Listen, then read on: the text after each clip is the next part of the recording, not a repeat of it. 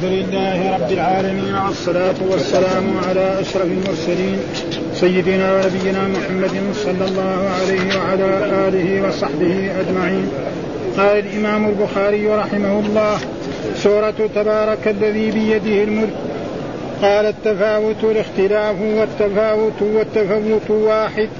تميز تقطع مناكبها, مناكبها جوانبها تدعون وتدعون واحد.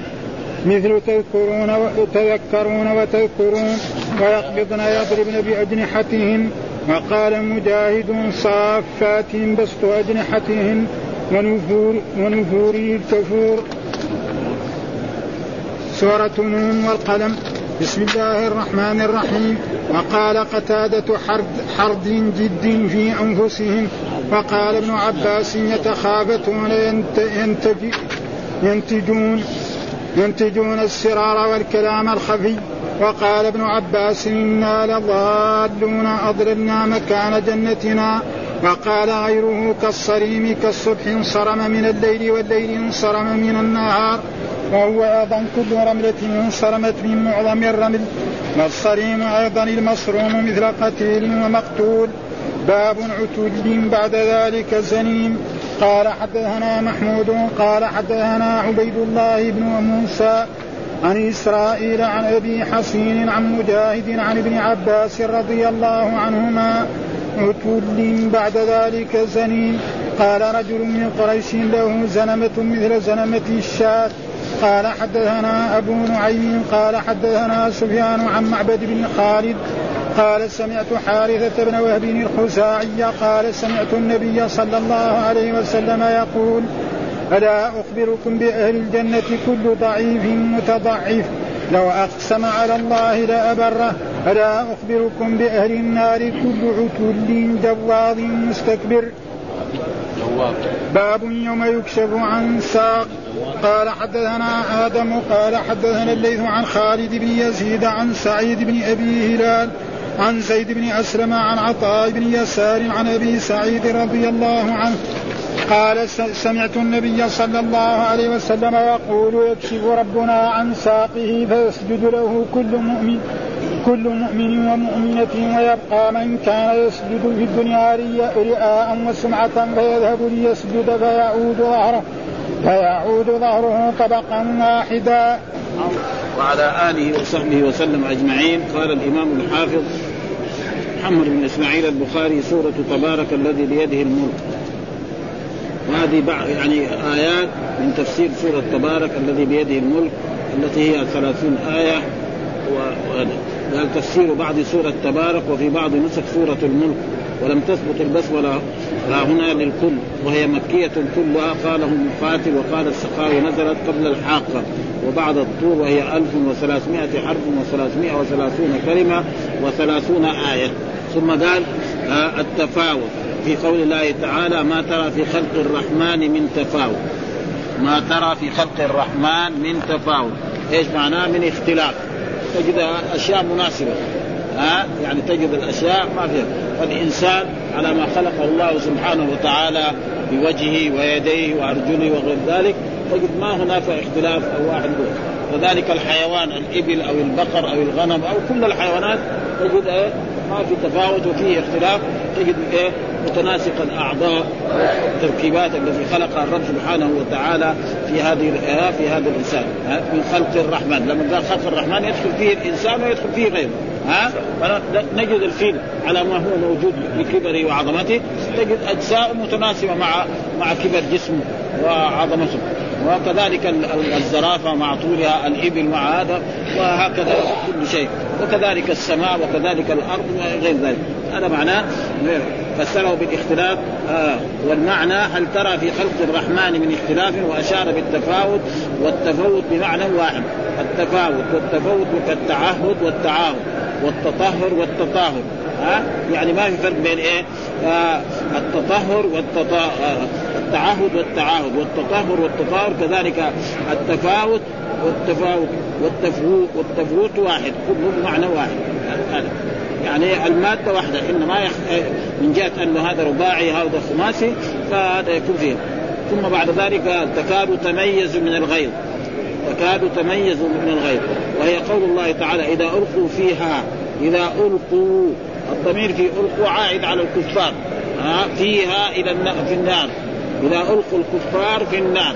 ها سمعوا لها سمعوا للنار. تغيظا. نعم وزفيرا طيب. تكاد تميز من الغيظ. ها تكاد تميز. إذا ألقوا فيها سمعوا لها شهيقا وهي تفور تكاد تميز من الغيظ. إذا ألقوا فيها سمعوا لها شهيقا وهي تفور تكاد تميز من الغيظ. إيش معنى تميز؟ تقطع. ها؟ يعني إيه؟ يعني كأنها حانقة عليهم. زي الإنسان لما يكون حانق على إنسان ظلمه أو تعدى عليه فإذا عذب أو هذا فيكون هكذا ترى النار. إذا اوقوا في النار سمعوا لها يعني صوت كصوت حمار وهي تفور. تفور معناه تغلي. هذا القدر لما يكون تحته نار ويكون فيه ماء أو فيه أي طعام فتجد ذلك. فكذلك النار هكذا تكون إيه؟ للكفار. هذا كلها كلمات وهي تفور يعني تغلي مناكبها أي جوانبها. قول الله تعالى فامشوا في مناكبها وكلوا من رزقي وإليه. فامشوا برضو الضمير في فامشوا عائد على على جميع البشر. ها فامشوا في مناكبها. يعني في جوانبها فالإنسان يذهب إلى أي جهة؟ يذهب إلى إلى الشرق إلى الغرب إلى الجنوب إلى الشمال. نعم هذه كلها في طرق وفي يصل إلى غاية. فالتاجر يذهب إلى لتجارته والعامل يذهب لعمله فيجد ربنا يرزقه. بدون لابد أن يتخذ الأسباب. فيقول فامشوا في مناكبها وكلوا من رزقي وإليه النشور لابد أن الإنسان يأخذ بالأسباب. ها فلا بد ياخذ أما يجلس هكذا ويقول أن الله يرزقه فهذا غلط. مثل ما جاء في الأحاديث يا لو توكلتم على الله حق توكله لرزقكم كما يرزق الطير تغدو سماسا وتروح بطانا. فالرب سبحانه وتعالى ما تكفل الرزق للطائر إلا بخروجه من وكره. لو الطائر جلس في وكر في عشه يوم أو يومين لوجدناه ميتا. فكذلك الإنسان يأمره الله أن يمشي في مناكب الأرض. نعم ويطلب من رزق الله سبحانه وتعالى فإن الله هو الرزاق ذو القوة المتين. يقول فامشوا في مناكبها وكوا أي امشوا في جوانب الأرض كذا فسره الفراء وأصل المنكب الجانب. وعن ابن عباس وقتادة جبالها وعن مجاهد طرقها. والمعنى واحد. يقول فامشوا في مناكبها طرقها. فامشوا في مناكبها يعني جوانبها. فامشوا في مناكبها جبالها. والمعنى واحد. هذا ثم قال وقيل هذا الذي كنتم به تدعون. ها يعني إيه تدعون؟ تدعون وتدعون مثل تذكرون وتذكرون. ها هنا جاءت الآية تدعون تدعون مثل تذكرون تذكرون هذه مشددة وتذكرون ليس فيها تشديد. وقيل هذا الذي كنتم به تدعون. يعني تطلبون وتقول إنه ما هناك عذاب وما هناك شيء ففي هذا اليوم ترون العذاب وترون النار وترون ما أعد الله للكفار وهو المشرك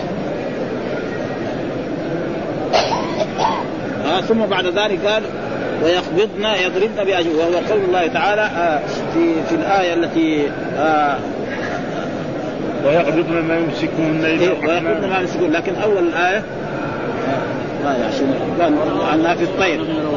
ها؟ أولم يروا إلى الطير فوقهم؟ أولم يروا إلى الطير فوقهم صافات. أولم يروا إلى الطير فوقهم صافات ويقبضن. أولم تروا فوقهم صافات. صافات معناه كذا الطير. لما يطير يكون جناحه كذا مفروض ها؟ بعد ذلك مرات يطير وكذا مساوي جناحه. هذا غريب لأنه كان لازم دحين الطائر لو صارت كذا تسقط ها؟ هذا إيه؟ يعني بإيه؟ بقدرة الله وبعلم الله سبحانه وتعالى، وإلا كان لازم الطير لما يطير يساوي كذا هذا تمام، لكن لما يساوي كذا ويطير يضم جناحه. هذا فعل من الرب سبحانه وتعالى. ها؟ ولذلك فوقهم صافات صافات. هذا لازم ويقبضن ما يمسكهن إلا الرحمن. ها؟ يعني لما يقبض جناحه هكذا على نفسه مين الذي خلاه لا يسقط في الأرض؟ ابدا. هو الرب سبحانه وتعالى. وهذا من إيه؟ من قدرة الرب سبحانه وتعالى ويقبضن ما يمسكهن إنه بكل شيء بصير. ها؟ فسر يضربن بأجنحتهن. والمعنى ما يمسك الطيور أي ما يحبسهن في حال القبض والبسط أن يسقطن إلا الرحمن. حتى قال في الاثنين يعني ما يحبس في حال القبض والبسط في حال البسط معهم ها؟ يسقطن إلا الرحمن. ولم يثبت هذا لابي وقال مجاهد صافات أي بسط أجنحتهن. صافات كذا ها؟ ويخطبن هكذا يساوي الطير لما عندما يخطب ثم ذكر سورة نون والقلم. ونون والقلم بعض أكثر آه، بعض المفسرين ذكر أن هذا من المتشابه الذي لا يعلم تأويله إلا الله ها؟ الذي قال الله تعالى فيه والذي أنزل عليك الكتاب منه آيات محكمات هن أم الكتاب وأخرى متشابهات وأما الذين في قلوبهم زيغ فيتبعون ما تشابه منه ابتغاء الفتن وابتغاء تأويله وما يعلم تأويله إلا الله والراسخون في العلم يقولون آمنا ها زي ألف لام ميم وزي صاف وزي ألف لام وطاسيم ميم وهذا هو يعني الملك وهناك من يقول أن نون هنا يعني الحوت ها ها الحوت. ولا تبقى صاحب نادى وهو مقدوم. الحوت الذي الذي يحمل الأرض أو فوق. والقلم هو القلم الذي كتب الله به يعني اللوح المحفوظ إلى غير ذلك. وهذا وهي سورة مكية وبعضهم يقول أنها فيها بعض آيات مدنية وبعض آيات مكية وهي كلها تفسير كريم. قال في تفسير بعد سورة نون والقلم ولم يقع لفظ سورة إلا في رواية أبي ذر وقال مقاتل مكية كلها. وذكر ابن النقيب عن ابن عباس أن من أولها إلى قوله سنسمه مكي. آه من أول نون والقلم إلى سنسمه على الخرطوم إنا بلوناه. ومن بعد ذلك إلى قول لو كانوا يعلمون مدى وقال السخاء نزلت بعد المزمل وقيل وقبل المدثر وهي 1256 حرفا و300 كلمة واثنتان وخمسون آية واختلف واختلف المفسرون في معناه. فعن مجاهد ومقاتل والسدي وآخرين هو الحوت. نون المراد به الحوت. وهو الذي يحمل الأرض. وهي رواية عن ابن عباس. واختلف في اسمه عن الكلب ومقاتل فهموت وعن الواقد موسى. وعن علي بلهوت وقيل هي حرب وهي وقيل حروف الرحمن. وهي رواية عن ابن عباس. وقال ألف لام راء وحاميم ونون حروف الرحمن مقطعة. وعن الحسن وقتادة والضحاك النون الدواء. ها, ها؟ الدوات. يعني إيه؟ الذي يكتب بها. الدوات الذي يكون الحبر فيها فيحط الإنسان القلم ويكتب بها. هذا وأحسن تفسير هو الله أعلم بمراده. هذا هو أحسن تفسير أن من المتشابه الذي لا يعلم تأويله أو هذا إعجاز لأنه يقول والنون والقلم وما يسطرون. ودائما السور المقطعة هذه الآيات المقطعة تتحدث عن القرآن كلها أكثرها يعني. ها؟ مثل ألف لام ميم ذلك الكتاب. ألف لام ميم الله لا إله. طاسين ميم تلك آيات وهكذا أكثرها. إلا كم سورة هي التي لا تتحدث عن القرآن. زي ألف لام ميم غلبت الروم. ألف لام ميم أحسب الناس أن والباقي كله السور اللي فيها هذه الحروف تتحدث عن عظمة القرآن و وعن ابن عباس قال عن ابن عباس وعن معاويه في آه، لوح من نور. رفعه الله إلى النبي وعن ابن كيسان. هو قسم قسم الله به يعني نور. وعن عطاء افتتاح اسمه النور وناصر ونصير. وعن جعفر هو نهر في الجنة. وهذه كلها أقوال على كل حال. ها؟ بسم الله الرحمن الرحيم. يقول وقال قتادة حرد ها جد في أنفسهم ها فإن إيه يعني إن قال الله تعالى عن أصحاب الجنة إنا بلوناهم كما بلونا أصحاب الجنة اذا يخسرون يصلون ولا يستسمون فطاف عليها طائف من ربك وهم نائمون فأصبحت كالصريم فتنادوا مصبحين أن اغدوا على حرثكم إن كنتم صارمين فانطلقوا وهم يتخافتون ألا يدخلن اليوم عليكم مسكين وغدوا على حرد إيش حرد هنا؟ معناه يعني جد يعني نحن هذا بستاننا ونحن نذهب إليه في الليل ونصرمه. فإذا جاء الفقراء والمساكين ضحى ما يجدوا شيء. قد حصدناه وسربناه وادخلناه في إيه؟ في بيوتنا أو بعناه هذا هو. ولكن ربنا أراد أن فقال الله تعالى في أول الآيات إنا بلوناهم. إيش يعني؟ بلونا يعني أهل مكة. ها اختبرنا أهل مكة بأن أرسلنا إليهم نبيهم محمد نبينا محمد صلى الله عليه وسلم هل يؤمنوا أو لا يؤمنوا؟ فإن آمنوا فلهم السعادة في الدنيا والآخرة وإن كفروا فلهم العذاب في الدنيا والآخرة. هذا معناه إنا بلوناه كما بلونا أصحاب الجنة. أصحاب الجنة أصل الجنة البستان أصل معناه في اللغة العربية.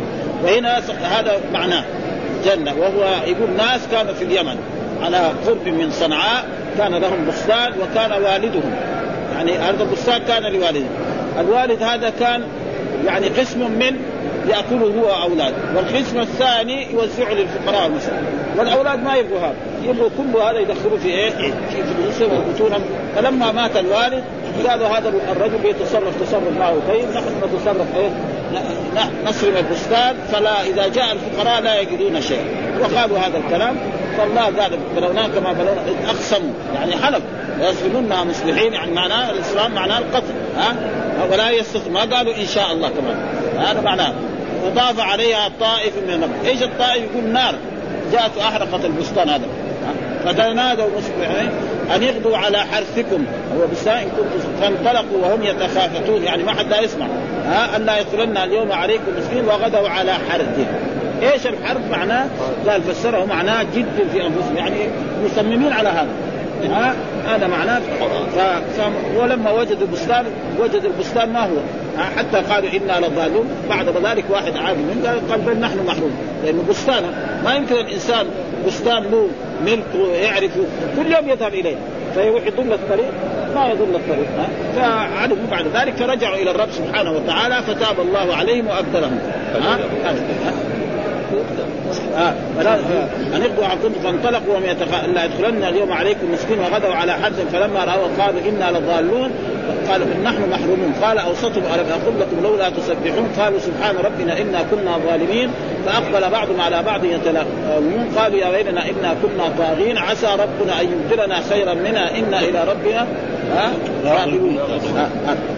فربنا ابدلهم خيرا منها قالوا على حرد على أنفسهم. في حرد جد في أنفسهم. على حرد قد فسر حرد بقوله جد بكسر الجيم وتشديد الدال وهو الاجتهاد والمبالغة في الأمر. قال ابن التين في بعض الأصول بفتح الجيم. جد يعني. رواه عبد الرزاق في تفسيره عن معمر عن قتادة وقال الثعلبي على على قدرة قادرين ها في أنفسهم. وعن وعن عكرم عن أمر مجمع. فقد أسسوه بينهم وعن سفيان على حنق وغضب. حنق وغضب. يعني حتى المساكين لا يجدوا شيئا. هذا قال ابن عباس لضالون أي أضللنا مكان جنتنا. إنا لضالون. يعني إنا ما عرفنا فين طريق جنتنا ضعنا عن الطريق. ها؟ معناه أضللنا مكان جنتنا. يعني هذا البستان بستانهم ولما جاءوا وجدوه كله تقريبا جاءت نار واحرقت بعد ما كان هذا البستان لابد فيه طيور. البستان لو يكون فيه زراعة تجد له صوت الطيور وصوت الأشياء وخبير الماء إلى غير ذلك. فلما قالوا أضللنا مكان جنتنا. فقال بعد ذلك عرفوا إنهم ما ضلوا. إنما ربنا أعاقبهم على سوء نيتهم. ها؟ على سوء نيتهم عاقبهم الله على ذلك. فلما رأوها قالوا إنا لضالون أي أضللنا مكان جنتنا رواه ابن أبي حاتم من طريق ابن جريج عن عطاء والضمير في قوله فلما رأوها يرجع إلى الجنة وفي قوله إنا بلوناهم كما بلونا أصحاب الجنة يعني امتحنا واختبرنا أهل مكة بالقحط والجوع كما بلونا أي كما ابتلينا أصحاب الجنة. هذا طبعا تفسير يعني يقول فإن أهل مكة كذلك ابتلاهم قال ابن عباس بستان بستان باليمن يقال له الضروان دون صنعاء بفرسخين وكانوا حلفوا أن لا أن لا يصرف أن لا يسلمن نخلها إلا أن لا يسلمن نخلها إلا في الظلمة. قبل خروج الناس من المساكين إليها فأرسل الله عليهم نارا من السماء فأحرقتها وهم نائمون. فلما قاموا وأتوا إليها ورأوها قالوا إنا لضالون وليست هذه جنتنا. قولوا أضللنا؟ قال بعضهم زعم بعض الشراح أن الصواب في هذا أن يقال ضللنا بغير ألف. ها تقول ضللت الشيء إذا جعلته في مكان ثم لم تدري أين هو. وأضللت الشيء إذا ضيعته. يعني في فرق بين أضللنا وهناك كمان في سورة السيف قالوا آه إذا ضللنا في الأرض ها آه إيش ضللنا في الأرض؟ هناك إذا تفرقنا في الأرض، يعني إذا مات الإنسان ودفن في الأرض ثم الأرض أكلته وصار رفاتا يعني يحيى مرة ثانية ها آه فكل كانوا ينكرون هذا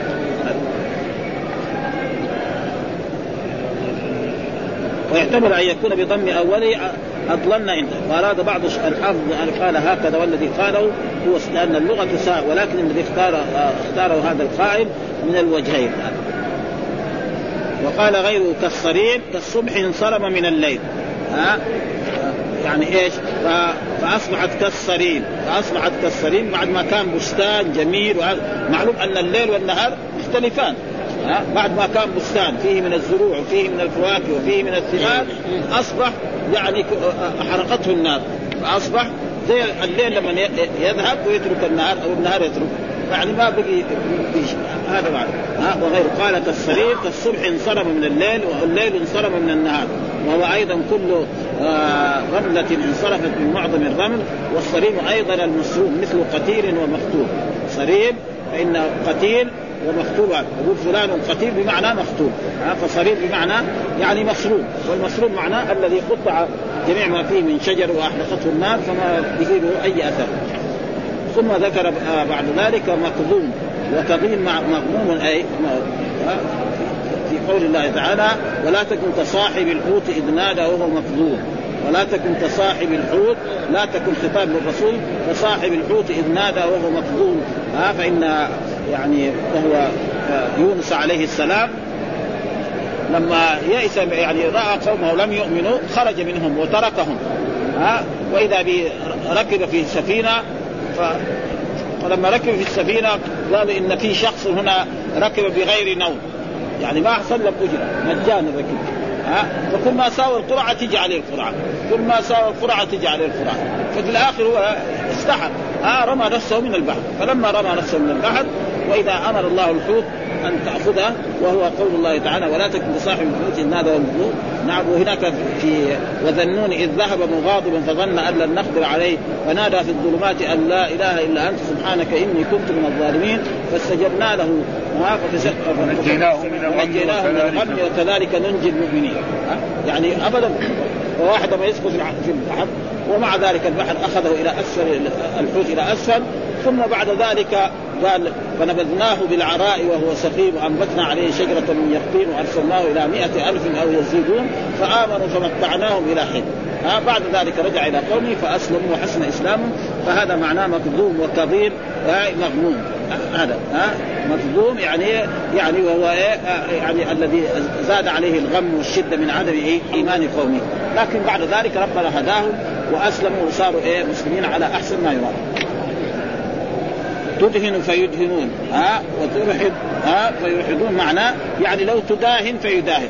ودوا لو تدهن فيدهنون. إيش معناه؟ يعني لو تجاملهم فأنت مثلا زي ما قالوا تعال أنت يا محمد اعبد إلهنا سنة ونحن نعبد إلهك سنة. ها؟ الرسول ما قل يا أيها الكافرون لا أعبد ما تعبدون ولا أنتم عابدون ما أعبد ولا أنا عابد. ما يمكن هذا يحصل من رسول الله صلى الله عليه وسلم.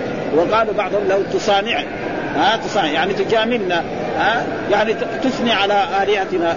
كمان فالرسول يعني ما أبى ذلك. ودوا لو تدهنوا وفسره بقوله ترخص ها فيرخصون. وكذا روي عن ابن عباس وعن عطية والضحاك وتكفر فيكفرون ها. وعن الكلب لو تلين لهم فيلينون لك. وعن الحسن لو تصانعهم في دينك فيصانعونك في دينك. وعن الحسن لو تقاربهم فيقاربونك. وأشار بقوله مكذوب إلى قوله تعالى ولا تكن كصاحب الحوت إذ نادى وهو مكذوب وفسره بقوله مغموم وأشار أيضا لأن مكذوب والتضيم سواء في المعنى. ثم ذكر باب عتل بعد ذلك زنين عتل بعد ذلك زنين إيش العتل معناه الرجل الجافي الغليظ؟ والزنين الذي لا أصل له. أو الزنمة هي ما يكون في الشاه في حلقه هنا إذا قطعت هذا تكون في هذا ها؟ فهو يعني معنى ملصق بالقوم أو ليس له يعني ليس له أب معروف. نعم فهذا معناه الزنيب ها؟ معناه الزنيب نقدر نفسره بالزنيب الذي يعني هو ملصق بالقوم ها؟ ليس منهم. أو مثلا الرجل العتل الاخول العتل الاخول الشروط ثم من هو؟ بعضهم قال أنه يعني الوليد. نعم ابن المغيرة. قال هذا في قول عتل بعد ذلك زنين العتل الفاتك الشديد المنافق. العتل الفاتك الشديد وقال قال قال ابن عباس وعن عبيد بن عمير العتل الأكول الشرود ها الذي يأكل كثير ها القوي الشديد. ها يوضع في الميزان فلا يزن شعيره. يدفع يدفع الملك من يدفع الملك من أولئك في جهنم سبعين ألفا دفعة واحدة. ها آه لأن الكفار كثيرون. آه والزنين هو الدعي الملحق النسب الملصق بالقوم. الدعي يعني يدعي أن فلان أبوه وليس هو. هذا آه معنى الملصق بالقوم وليس منهم. وعن علي رضي الزنيم الذي لا أصل له. وقيل هو الذي له زنمة كزنمة الشاة وقيل هو آه هو المرمي بالأبنة أو بالأبنة. إيش الأبنة؟ معناه رجل يعني يحب أن قلنا يكون فلان مأبون إذا يسمى باللفظ العامي هو الرجل الذي تجد يحب أن أن يلاط به. هذا معنى القبول ها؟ يعني ينكح كما ينكح كما تنكح المرأة. هو يدور الناس اللي يفعل به هذه الفاحشة. ها؟ مثلا اللواء شخص واحد يروح يدور واحد لكن هو يدور الناس يفعل به هذا معنى المأذون ها؟ هذا معناه عيب كبير. هو رجل ويدور من يفعل به إيه؟ اللواط. ها؟ يمكن يعطيهم فلوس عشان يعملوا به هذه الأشياء. هذا معنى آه آه يعني أبونا وقيل المرمي بالأبنة فإذا عتل بعد ذلك زنيم فسر بالعتل الأكول الشروب القوي الشديد يوضع في الإنسان فلا يزن وفسره بعض الزنيم هو الدعي الملحق النسب الملصق بالقوم وليس منه والزنيم الذي لا أصل وقيل هو الذي له زنمة زنمة الشاة وقيل هو آه المرمي بالأبنة ها؟ وهو الذي يعني يلاط به. وهو يدور الناس يفعل به وقد يعطيهم شيء من, مادته عشان يفعل به. آه طيب إيش الدليل الحديث المرفوع؟ قال حدثنا محمد محمود قال حدثنا عبيد الله عن إسرائيل عن أبي الحسين عن مجاهد عن ابن عباس رضي الله تعالى عنهما عتل بعد ذلك الزنيم قال رجل من قريش له زنمة مثل زنمة الشام. ها؟ رجل من قريش. قال بعضهم أنه الوليد. ابن المغيرة التي هو ذكر الله في في هذه السورة وذكره كذلك في سورة سورة المدثر. ذرني ومن خلقت وحيدا وجعلت له مالا ممدودا وبنين شهودا ومهدت له تمهيدا ثم يطمع أن أزيد كلا إنه كان لآياتنا عنيدا. سأرهقه صعودا إنه فكر وقدر فقتل كيف قدر ثم قتل كيف قدر ثم نظر ثم عبس وبشر ثم أدبر واستكبر فقال إن هذا إلا سحر إن هذا يعني هذا القرآن.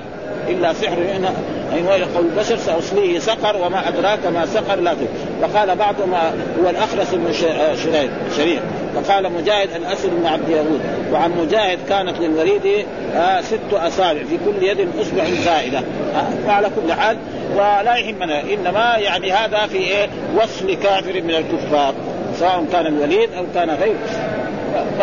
ف... قال ثم بعد ذلك قال حدثنا أبو نعيم قال حدثنا سفيان عن معبد بن خالد قال سمعت حارثة بن وهب الخزاعي قال سمعت من يقول ألا أخبركم؟ ها؟ هذا حرف تنبيه أو الا أخبركم؟ ها؟ يعني حرف عرض أخبركم بأهل الجنة؟ ها؟ هل تحب أن أخبرك أيها الناس ايها الأمة ايها الصحابة بأهل الجنة؟ كل ضعيف متضاعف يعني كل ضعيف يعني لا لا, لا يعني لو جاء يدخل على بعض الناس ما يخليه لا لفقره ولا حاجة. كله ضعيف لو أقسم على الله لا أبره. لو أقسم على الله ليفعل به كذا وكذا أو يفعل بفلان كذا وكذا لا أبره. ثم قال ألا أخبركم بأهل النار كل عتل جواد مستكبر. وهذا قد حصل ذلك في عهد رسول الله صلى الله عليه وسلم. فإن يعني امرأة يعني آه، حصل بينها وبين زميلتها شيء فكسرت سنة. فجاء إلى النبي صلى الله عليه وسلم فقالوا يا رسول الله يعني آه، طلب من الرسول أن يسامح. وقالوا ما يسامح. فقالوا إيه القصاص. ومعلوم القرآن قال السن بالسن. كتب فيها ان النفس بالنفس والعين بالعين والأنف بالأنف. فقال أنس بن النضر والله لا تكسر سن الربيع الربيعة. والله لا تكسر سن هذا خطير. إيش معنى؟ يعني الرسول يقول له القصاص وهو يقول والله لا تكسر. ها؟ ثم بعد ذلك لما قال هذه الكلمة هو ما رد كلام الرسول صلى الله عليه وسلم إنما رجا أن الله يفرج عن هذا الموضوع. ثم بعد ذلك دخل الخصوم رجعوا بإيه؟ بالعفو فقال الرسول إن من عباد الله من لو اقسم على الله لا أبر. وإلا لو كان قال الرسول يقول مثلا القصاص ويقول لا هذا خطير. ها؟ لما كانوا إذا دعوا إلى الله ورسوله يحكم بينهم أن يقولوا سمعنا وأطعنا. هو يقول لا. ها لا تكسر سن الربا يعني ها فمعناه إيه؟ هو يعني يرجو من ربه سبحانه وتعالى ان أخته هذه لا يكسر. وبالفعل أقسم قال والله كمان بالقسم. قسم خطير. فلكن هو يريد. فاذا بعد ذلك أهل هذا قالوا لا نحن سامحنا. خلاص. ها فهذا معناه وهذا موجود في كثير من ولو اقسم على الله وأنا أخبركم بأهل النار كل عتل جواد مستكبر. الجواد المتكبر هو يعني فسره بإيه؟ كل عتل هو الغليظ وقيل الشديد وكل شيء وقيل الكافر وقال داود والسمين العظيم العنق. ها؟ العنق. والبطن. وقال الهري هو الجموع المنوع وقيل هو القصير البطن. وقيل الأكول الشروب الظلوم والجواب بفتح الجيم وتشديد الواو ثم ضاء معجمة هو الشديد الصوت. ها في الشر. وقيل المتكبر المختار في مشيته الفاخر. وقيل كثير اللحم. وليس المراد استيعاب الطرفين. وإنما المراد أن أغلب أهل الجنة وأن أغلب أهل النار هؤلاء. ها؟ يعني وهذا شيء مشاهد يعني. ثم ذكر باب يوم يكشف عن ساق. وهو قول الله تعالى يوم يكشف عن ساق ويدعون إلى السجود. يدعون السجود لا يستطيعون خاشعة أبصارهم تراهم ذلة. يوم يكشف عن ساق. ويوم يكشف عن ساق فسره يعني علماء السنة أن الله يكشف ربنا عن ساقه فيسجد كل مؤمن ومؤمن. ويبقى كل آه، من كان يسجد في الدنيا رياء وسمعة أو الكافر. فلا يستطيع. هذا التفسير هو يعني أهل السنة يقول أن الله يكشف عن ساق وأن لله ساقا تليق بجلاله وعظمته كما أن له يدان وله وجه وغير ذلك وله الرضا وله أشياء وله عين إلى غير ذلك. ف لكن آه، بعض المفسرين يعني فسروه يوم يكشف عن ساق عن شدة. وقد حصل ذلك يعني في التفسير الذي فسره الصابوني هذا. يعني صارت ضجة بينه وبين بعض طلبة العلم السلفيين جميل زين وهذا مدرس في في دار الحديث مكة وصار بينهم وبينه رد تقريبا في, في كتاب. وهو لما فسر هذا قال وهنا كذلك آه، صاحب العمدة فسروا بهذا. يقول السلف قالوا كذا والخلف قالوا كذا. ها يوم يكشف لكن الحديث عارف يوم يكشف ربنا عارف. هنا المشكلة هو لو قال يوم يكشف بس كذا وما خلاها يعني يصير فيها تاويل لكن إذا قال ربنا فيها إشكال يعني. فإذا أحسن طريقة في هذا مذهب أهل السنة والجماعة. يثبتون كل الصفات على ما يليق بجلال الله وعظمه الله له يد والمخلوق له يد. لا يشبه يده ويكفي ذلك ما تقدم لنا في الآيات. ها يقول الله تعالى مثلا السماوات مطويات بيمين. السماوات مطويات بيمين شيء عظيم هذا ها, ها؟ وما قدر الله حق والارض جميعا قبضته يوم القيامة. والسماوات مطويات. فكذلك له وجه وله يدان ولا يحتاج نؤول هذه الأشياء ولا ولكن يوجد الآن كثير من المفسرين يعني يفسر هنا يكشف عن ساق عن شدة. وهو فسر هذا وتلابش معاهم يعني عن شدة؟ عن شدة. يعني شدة يوم القيامة. وهذا شيء ما يتطابق مع الحديث. الآية يمكن لكن الحديث ما في الكثير يكشف ربنا عن ساق لما يجي ربنا ما ما لها تأويل هذا. فهو لابس معاهم على إيه؟ إنه الحديث قال عن شدة وذكر بس شيء من الحديث. فقال فأهل السنة أحسن يعني زي ما قالوا. فسر بهذا. قال يوم يكشف عن قيل تكشف القيامة عن ساقيه وقيل عن أمر شديد فظيع. وهو وهو اقبال الآخر وذهاب الدنيا. وهذا من باب الاستعاره وتقول العرب للرجل إذا وقع في أمر عظيم يحتاج فيه إلى اجتهاد ومعاناة ومقاساة الايه شمر شمر عن ساقه. ها؟ شمر عن ساقه. ها؟ فاستعير الساق في موضع الشدة. وهذا وعلى كل حال هناك من العلماء يقولوا أنه ما في في, في القرآن مجاز كمان ها؟ يعني ما في القران مجاز ابدا. والسبب في ذلك أن المجاز هذا يؤدي إلى إلى حذف الصفات زي ما في كثير من كتب التفسير يقول وجاء ربك جاء أمره بل يداه مبسوطتان قدرتان. ها وهناك من فسر أنه لا يوجد مجاز لكن يسمى أسلوب من أساليب اللغة العربية المجاز. طيب أنت سميته أسلوب من أساليب العرب وأنا سميته مجاز. فالمعنى تقريبا هذه مشكلة يعني. على كل حال يعني إلى الآن يعني مسألة من الأعمال. وعلم البيان هذا كله موجود على هذا. ها؟ علم البيان. ها؟ كثير يعني عادية كثير أشياء تثبت. ها؟ يقول تفيض أعين من الدم. الذي يفيض إيه؟ ها ها؟ ويقول جرى النهر. النهر هو إيه؟ اللي يمشي فيه المويه. وفي أشياء كثيرة يعني. وعلى كل حال الأشياء التي والمدارس كلها تدرس. يعني مثلا الجامعة الإسلامية تدرس المجاز. ها؟ وابن القيم يقول ابدا ما في مجاز في القرآن ابدا. مرة ما في مجاز. ليه؟ جايب خمسين دليل إنه لا يوجد مجاز في القرآن. إيش يدل؟ خليه هو غلطان لكن يدل على العلم بس. خمسين دليل؟ واحد إلينا عدى خمسين. ها؟ يقول مثلا من الأشياء اللي هو يدعي يقولها يقول لو واحد يقول أتينا البحر ف يعني ركبنا البحر فهاج بنا البحر. المراد به البحر المالح يقول إذا قال آتينا البحر فأكرمنا. معنى الرجل الكريم. يقول هذا حقيقة وهذا حقيقة.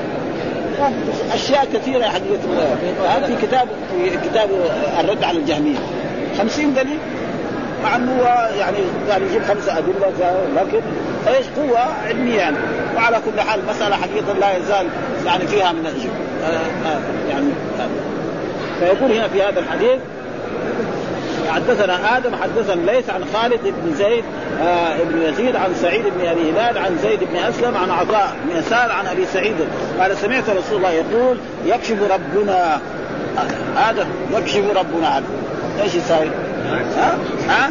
عن ساقه هم قالوا عن ساقه معناها شدة ها فيسجد له كل مؤمن ومؤمنة ها كل ويبقى من كان يسجد في الدنيا رياء وسمعة أو الكافر فيذهب يسجد فيعود ظهره طبقا واحدا. ما يستطيع أن يسجد.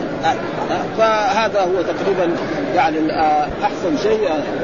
وقوله يكشف ربنا عن ساق من المتشابهات والمتشابهات ولأهل العلم في هذا الباب قولان. أحدهما مذهب معظم السلف أو كل تفريد الأمر فيه إلى الله تعالى. والإيمان به واعتقاد معنى يليق لجلال الله عز وجل. والآخر هو مذهب بعض المتكلمين انها تؤول على ما يليق به ولا يسوق ذلك إلا من كان من أهله بأن يكون عارفا بلسان العرب وقواعد الأصول والفروع فعلى هذا قالوا المراد بالساق هنا الشدة ان يكشف الله عن شدة أو أمر مهول وكذا فسره ابن عباس. كذا إذا فسر ابن عباس كمان هذه فيها خطورة. ها؟ ها؟ صحيح. ها قال أبو عياض المراد بالساق النور العظيم. وروى عن ابي موسى الأشعري النبي يوم يكشف عن ساق قال عن نور عظيم. يخرون له سجدا. وعن قتادة وما فيما رواه عبد العبد يوم يكشف عن ساق عن أمر فظيع. وعن عبد الله بن رب العزة إذا كشف للمؤمن إذا كشف المؤمن يوم القيامة. وعن الربيع بن أنس يكشف عن الغطاء. فيقع من كان له إيمان في الدنيا ساجد وقال الحكيم الترمذي آه لا رادا ها لقول من قال المراد بالساق الشدة في القيامة. وفي هذا قول لأهل التعطيل وجاء في حديث ابن مسعود يرفعه. وفيه نعم بما تعرفون؟ قال بيننا بيننا وبينه علامة. إن رأيناه عرفنا. قال وما هي؟ يكشف عن ساق. قال فيكشف عند ذلك عن ساق فيخر المؤمنون سجدا. قال وما ينكر ما ينكر هذا اللفظ ما ينكر هذا وما يفر منه إلا من يفر عن اليد والقدم والوجه. ها؟ وهذا كلهم يأولوا المعتزلة والجهمية والأشعرية والما كلهم يأولوا هذا. موجود في كتب التفسير. يقول وجاء ربك جاء أمرك. فعطل الصفات وزعم من جوزي أن ذلك معنى كشف الشدائد عن المؤمنين فيسجدون شكرا. واستدل على ذلك بحديث أبي موسى مرفوعا يكشف لهم الحجاب فينظرون إلى الله وعن ابن مسعود كان إذا كان يوم القيامة قام الناس لرب العالمين أربعين عاما فعند ذلك يكشف عن ساق ويتجلى لهم. وأوله بعض بأن الله يكشف لهم عن ساق لبعض المخلوقين. كل هذا تقريبا أنه قال الساق كما قال علي رضي الله تعالى لأقاتلن الخوارج ولو تلفت ساقي فيحتمل أن يكون المراد به تجلى ذاته لهم وكشف الحج حتى رأوه وسجدوا له. وقرا ابن عباس آه، يكشف بضم الياء وقرئ نكشف بالنون ويكشف على عن البناء للفاعل وللمفعول جميعا. والفعل للساعة والحال يوم تشتد الحال والساعة. وقرئ بالياء المضمومة وكسر وكسر شيء يكشف يعني. إذا دخل في الكشف فيسجد له فإن قلت القيام دار الجزاء لا دار العمل. قلت هذا السجود لا يكون على سبيل التكليف بل على سبيل التلذذ والتقرب إلى الله تعالى قوله رياء ليراه الناس وسمعا ليسمعونه. ها طبقا واحد أي لا ينشا له لا يتسنى له السجود ولا ينحني له وهو بفتح الطاء والباء الموحده وقال الطبق آه قفار الظهر. آه قفار الظهر بعد يعني آه العظم الجديد يعني لا يخطر السجود وجاء في حديث فالمؤمن فالمؤمنون يخرون سجدا على وجوههم ويخر كل منافق على قفاه ويحمد الله تعالى ويجعل الله اصلابهم كصيام كصيام البقر. وفي رواية ويبقى المنافقون لا يستطيعون كما في ظهورهم كأن في كأن في ظهورهم السفا السفافين. السفافين فيذهب بهم فيذهب بهم إلى النار. وقد استدل بعض العلماء بهذا مع قوله ويدعون إلى السجود فلا على جواز تكليف ما لا يطاق. وهذا استدلال باطل فإن الآخرة ليست دار تكليف السجود. ها والحمد لله رب العالمين وصلى الله وسلم على نبينا محمد وعلى آله وصحبه وسلم.